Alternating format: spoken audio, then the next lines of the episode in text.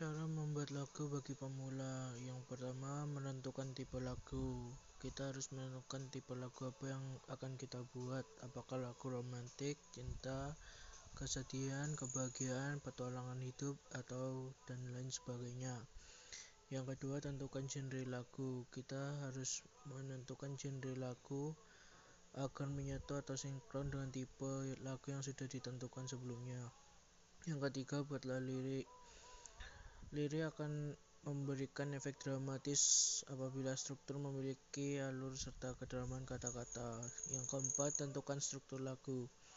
Langkah yang keempat ini akan berdampingan dengan membuat lirik lagu lantaran sembari membuat lagu secara tidak langsung kita juga akan menentukan struktur lagunya. Yang kelima, tentukan nada.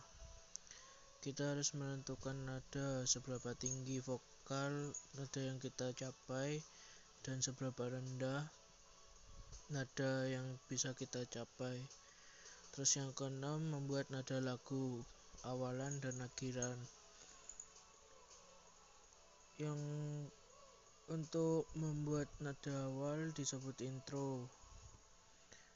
Intro dapat memberikan sentuhan kreativitas yang unik untuk menciptakan ketertarikan pendengar mendengarkan lagu hingga habis. Terus yang kedua, buatlah nada untuk melodi atau middle. Di sini adanya alat musik yang hendak ditonjolkan nadanya seperti vokal yang berhenti, vokal berhenti menyanyikan lirik atau hanya membacking nada yang dihasilkan oleh nada melodi. Yang ketiga, buatlah nada akhir atau outro. Nada akhir ini bersifat opsional dan tergantung dari kita sendiri apakah ingin membuat sebuah akhiran lagu yang memiliki klimaks lantaran biasanya sebuah klimaks dari lagu memang berada pada bagian pada bagian akhir. Yang ketujuh, finishing yaitu kita menyanyikan lagu secara penuh. Terus yang ke-8, koreksi dan tambahkan variasi untuk memperindah lagu.